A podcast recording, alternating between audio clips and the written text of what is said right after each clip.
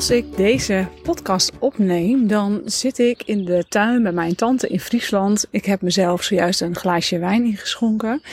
En ik voelde heel erg de behoefte om iets met je te delen waar ik zelf best wel eens mee struggle, mee stoei.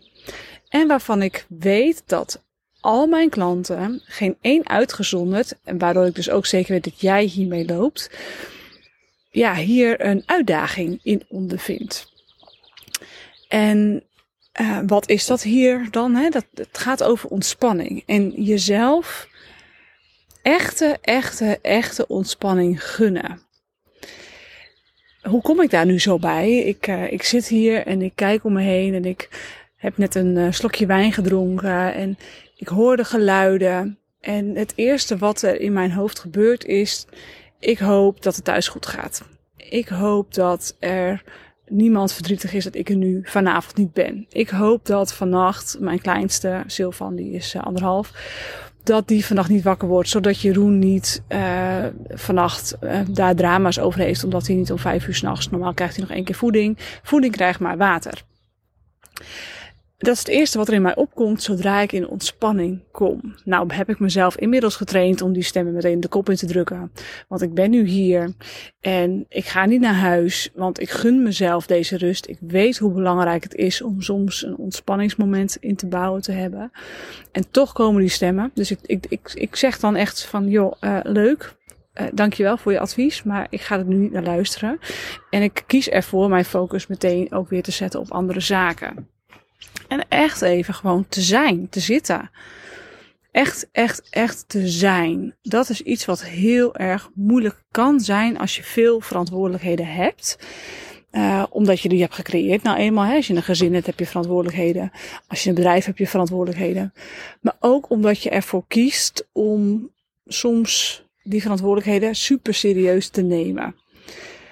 Wat ja, heel functioneel is. Dat denk ik oprecht. Ik denk oprecht dat het uh, heel functioneel is dat ik zo'n uh, bewuste moeder ben. Ik denk oprecht dat het heel erg functioneel is dat jij uh, ook je keuzes maakt en verantwoordelijkheden op je neemt. Omdat je een grotere visie hebt. Omdat je het belangrijk vindt om je kinderen, je bedrijf in te richten op een manier die helemaal past bij jou. Maar ik denk ook dat we niet moeten vergeten dat het leven plaatsvindt naast verantwoordelijkheden. Dus verantwoordelijkheden, ja, die heb je, daarin kun je leren. Um, maar dat is niet het leven echt leven en genieten van wat er is. Genieten van wat, er, wat je hebt gecreëerd. He, daar waar verantwoordelijkheden dragen en, en regelen dat het gedaan wordt, dat dat uh, is meer een actiemodus. En, ja, dat zijn dingen die moeten, dingen die, die je ook wil doen, maar die ook gewoon moeten. En daarnaast heb je um, het stuk ontspanning en het zijn, het stilstaan, het, het ademhalen, het je opnemen van de schoonheid van, nou ja, ik zie allemaal bloemen om me heen, bijvoorbeeld ik hoor vogeltjes, die hoor jij denk ik ook wel op de podcast, uh, uh, op het geluid. Ja, en mijn neiging is dan dat ik meteen ga nadenken, dat ik dieper ga nadenken, dat ik, uh, ja, daar toch, uh, nu ervoor kies om deze podcast op te nemen, dat ik inspiratie voel. Het echte stilstaan duurt bij mij nooit zo lang. En dat zal misschien bij jou ook zo zijn. Tegelijkertijd uh, mag je je denk ik ook er bewust van zijn dat dat niet bijdraagt aan het uh, creëren van een optimale gezondheid. Want je hebt ongeveer evenveel inspanning als ontspanning nodig om uh, echt gezond te kunnen zijn en, en te kunnen blijven. En daarbij is alles wat inspanning is, dat is natuurlijk actie, dat is beweging, dat is dingen doen, denken, creëren, ja, doen bewegen, sporten, dat soort dingen allemaal doen. En ontspanning, dat is uh, zijn en in het hier en nu landen en kijken om je heen en uh, fijne gesprekken uh, met mensen echt verbinden. Weet je, zonder dat je telefoon erbij is qua afleiding, maar echt dat je in het, in het moment aanwezig bent en dat je helemaal niks hoeft. Dat is echt ontspanning. En dat vinden we best moeilijk in een wereld waarin ja, waarin er uh, veel is. En ik zeg heel bewust we, want hè, ik, ik, ik vind dit ook nog wel eens lastig. Ik heb wel geleerd mezelf hierin te trainen. Ik heb hierin grenzen voor mezelf gesteld, omdat ik weet hoe belangrijk het is. En daar komt dan een laagje dieper bij kijken. Je kunt die grenzen pas stellen op het moment dat je jezelf echt oprecht gunt dat je die tijd pakt. Want Die verantwoordelijkheden, daar kun je je week en meer mee vullen. Dat is een ding wat zeker is. Je kunt ook steeds meer verantwoordelijkheden opnemen, op je nemen. Dus dat lukt wel, dat is het probleem niet. Uh, maar de ontspanning en de rust en het, het zijn pakken, ja, daar zit een stukje, mag ik het mezelf ook gunnen bij. En zodra je in de ontspanning komt, en dat is eentje, die heb ik gelukkig inmiddels uitgewerkt, durf ik oprecht te zeggen. Maar als je nog heel veel fysieke klachten hebt, dan zul je er hier wel echt tegen aanlopen in het begin. Op het moment dat je in ontspanning komt, gaat er ook een opruimproces in werking.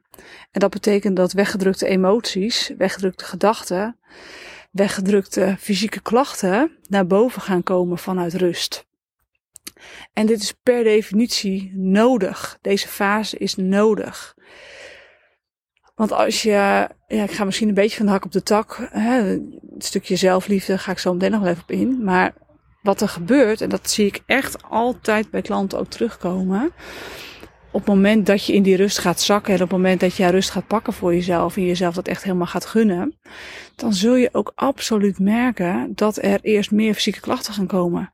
Dat er eerst meer negatieve gedachten gaan komen. Dat er eerst meer uh, vooral emotioneel gaat gebeuren waarvan jij denkt, oh, daar heb ik helemaal geen zin in en dit wil ik helemaal niet voelen. En dingen waar je eigenlijk van wegvlucht door maar in die verantwoordelijkheidsmodus te gaan zitten. Als je heel eerlijk bent. En dat vinden we niet leuk. Dat is niet leuk. Dat is gewoon niet leuk. En dat hoeft ook niet leuk te zijn, maar het is. Dus als die fase bij jou aandient, op het moment dat jij ervoor kiest om meer ontspanning te gaan nemen, dan mag je daar ook mee gaan zijn. Dan mag je je daaraan over gaan geven. En dat mag je doen zonder dat je daar oordeel op hebt. Want als je er wel oordeel op gaat hebben, dan lukt het niet om in ontspanning te komen. Want dan ga je eigenlijk weer wegvluchten van. Hè? Dan ga je overanalyseren. Dan ga je analyseren in het begin al. En dan ga je overanalyseren. Dan ga je daar door en door en door. En dan kom je eigenlijk weer vanuit die rust in een stresssituatie terecht, waardoor je in jezelfde vicieuze cirkel stapt. Nou, als jij nu luistert en je hebt meerdere fysieke klachten, en het zijn over het algemeen wat klachten waarvan je denkt, ja, ik weet gewoon niet dat daar de oplossing voor is. Hè. Het is niet één ding, het zijn meerdere dingen. Het is een soort van patroon, een systeem wat uit balans is. Weet dan dat stress altijd daar, altijd daar een rol in speelt. Bijna altijd. Ja, ja altijd. altijd. Ja, nou, in, in, in 98% van de gevallen speelt stress daarin een rol. Dus kijk eens even heel goed bij jezelf. Ben ik een ontspannen persoon in het dagelijks leven? Of ga, sta ik ochtends vroeg aan? Of heb moeite met opstarten, maar sta ik wel vanaf begin aan van hé, hey, dit ga ik allemaal doen, dit moet ik allemaal doen vandaag. En sluit je de dag af met poeh, nou oké, nou plof ik even de bank en dan laat ik de boel los. En, uh, maar dat kost me moeite. En dat je dan gedurende de dag constant ook aanstaat. Als dat iets is wat je herkent, dan wil ik je echt aanraden om heel erg begrensd aan jezelf momenten gaan in te passen waarin jij gaat zitten, waarin je niks gaat doen. Hooguit een boekje lezen, maar dat dan fictie moet zijn. Of een happiness, of weet ik veel, een kopje thee, een kopje koffie met aandacht proeven. Want als je dat niet gaat doen en je blijft door en je eet je broodje tussendoor en uh, hey, je, je, je, kijkt toch even op je telefoon terwijl jij uh, een wandeling aan het doen bent, dan sta je nooit echt uit in je hoofd en dan zal die stressprikkel ook blijven en dan kom je dus niet in een, uh, in een balans, in een rustmoment waarbij je gaat voelen hoe het nu echt met je gaat. Want dat is wat je dus in rust gaat voelen. Hoe gaat het echt met mij? En dat confronterende stukje, dat kan dus heel confronterend zijn als je jezelf gaat afvragen na tien minuten stilzitten, hoe gaat het nu echt met mij? Of nou, na twee minuten, dan voel je, ja, het gaat eigenlijk helemaal niet zo goed. Ik ben eigenlijk heel moe. En ja, ik heb eigenlijk helemaal geen zin om dingen te doen. En als ik dan aan jou zou vragen, hè, wat wil je dan echt doen? Dan is het waarschijnlijk, ik wil eigenlijk gewoon liefst een paar dagen op de bank liggen. Of ik zou eigenlijk gewoon lekker op vakantie willen. En ik heb dat ook echt wel nodig, heb ik het gevoel. Maar dat mag dan weer niet, hè?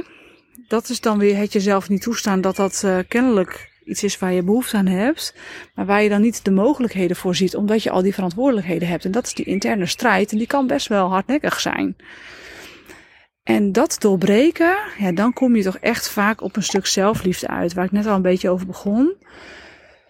Gun je het jezelf? Mag het van jezelf? En dat, dat is de bron van waarom het niet lukt om echt te gaan ontspannen. Waarschijnlijk vind jij dat er eerst X, Y, Z moet gebeuren voordat je het verdient om te gaan ontspannen? Waarschijnlijk vind jij dat je eerst um, al die taken moet afronden voordat je mag ontspannen. Waarschijnlijk um, vind jij dat um, ja, het niet nodig is, want er zijn tegenredenen wat belangrijker is op dit moment. He, ontspanning heeft vaak niet echt de prioriteit, want het is niet nuttig, het is niet productief. Het zijn allemaal overtuigingen die terugkomen op het stukje gun je het jezelf echt om een kwartier, een half uur, een paar uur, een dag van je tijd te niksen, te luieren, te genieten van datgene wat je het allerliefste zou doen. En of dat nou is met een kaasplankje en een glas wijn om drie uur s middags voor Netflix zitten, omdat je daar echt zin in hebt. Niet omdat je denkt van, oh, dan, dan pas kan mijn brein uit. Nee, omdat je echt voelt, oeh, ik heb echt zin om even lekker gewoon dat te doen. Um, dat is jezelf iets gunnen. Dat is jezelf echt iets gunnen. En als je voelt dat je daar moeite mee hebt, dan is het heel interessant om te kijken, maar wat ligt daar dan voor overtuiging aan de grondslag? Vind ik mezelf dan niet belangrijk genoeg? Vind ik anderen dan belangrijker dan mij? Vind ik mijn bedrijf bouwen dan belangrijker dan mij? En dan heb je het vaak over impact maken op de wereld.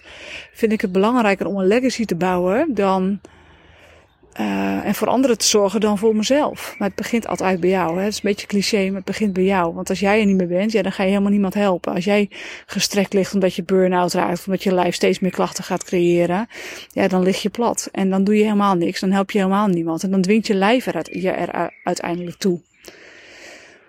Dus ik heb eigenlijk twee vragen voor je. Wat zou jij nu. Nee, de eerste vraag is: hoe gaat het nu echt met je? Hoe gaat het nu echt met je als je heel eerlijk bent? En de tweede vraag is: wat zou jij nu het allerliefste nu willen doen? Als niks meer hoeft, als al je verantwoordelijkheden niet meer zijn, wat zou je dan het allerliefste willen doen? Nou, en daar ga ik het bij laten. Ik ga je laten bij jouw eigen antwoorden die je geeft op die vraag.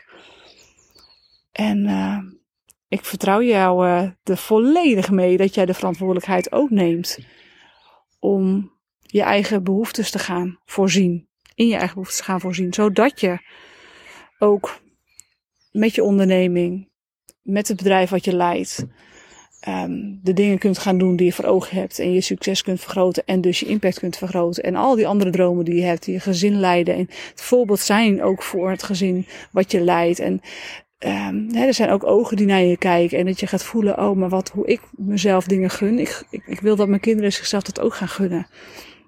Nou, het zal vast veel in je aanzetten. Laat het me weten wat het in je aanzet. Ik ga er heel graag met je over in gesprek op bijvoorbeeld Instagram, Regina Nieuwhof. Uh, maar je mag ook als je voelt van oké, kak, ja, het gaat echt niet goed met me. en uh, ik uh, ben eigenlijk al jaren bezig om mezelf hierin te stimuleren anders te gaan doen, maar het lukt me maar niet. Om dan een strategie sessie in te plannen met mij. Dat kun je ook doen via de call to actions bij de show notes. Daar staat een, een linkje, een boekje strategie sessie. Dan kunnen we samen in gesprek om te kijken hoe en of ik je kan helpen. En uh, dan ga ik je nog meer van dit soort prikkelende vragen stellen. Om eens na te denken en te voelen bij jezelf wat voor jou echt belangrijk is. Waarbij je gezondheid natuurlijk op nummer 1 staat at the end of the day. Goed, als je dit een uh, interessante podcast vond, superleuk als je een uh, 5 sterren rating wil uh, achterlaten op uh, Apple Podcasts of op Spotify een review wil geven. Dat waardeer ik enorm. Dat helpt anderen ook weer om deze podcast te vinden. Of deel het ergens met iemand. Ook hartstikke leuk als je dat doet. Voor nu, dankjewel voor je tijd, je aandacht. Ik hoop dat je het een welbesteed kwartiertje vond. En tot de volgende aflevering.